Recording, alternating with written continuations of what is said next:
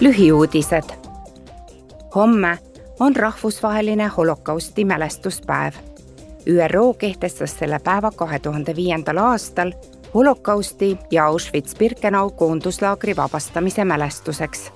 täna toimub Euroopa Parlamendis Brüsselis mälestuspäeva ametlik tseremoonia, kus parlamendi liikmete poole pöördub Iisraeli president Isaac Herzog. president Metsola ja president Herzog avavad parlamendi täiskogu istungisaali ees ka holokausti mälestusmärgi Pagulane.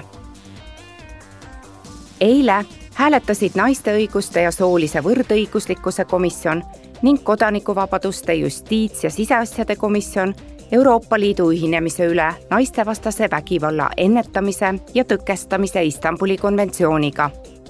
Istanbuli konventsioon on selles valdkonnas kõige laiaulatuslikum rahvusvaheline õigusakt konventsiooni ratifitseerimine Euroopa Liidu poolt tugevdab soolisele vägivallale reageerimist ja tagab kogu liidus samal tasemel kaitse.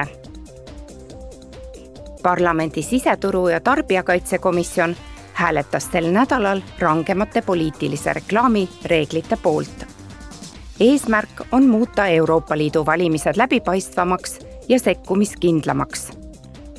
siseturu ja tarbijakaitsekomisjon soovib et kodanikele, ametiasutustele ja ajakirjanikele antaks rohkem teavet.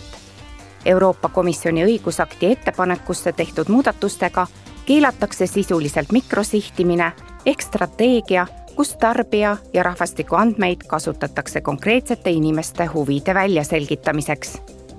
parlamendikomisjoni liikmed toetasid ka lisakaristuste kehtestamist reeglite rikkumise eest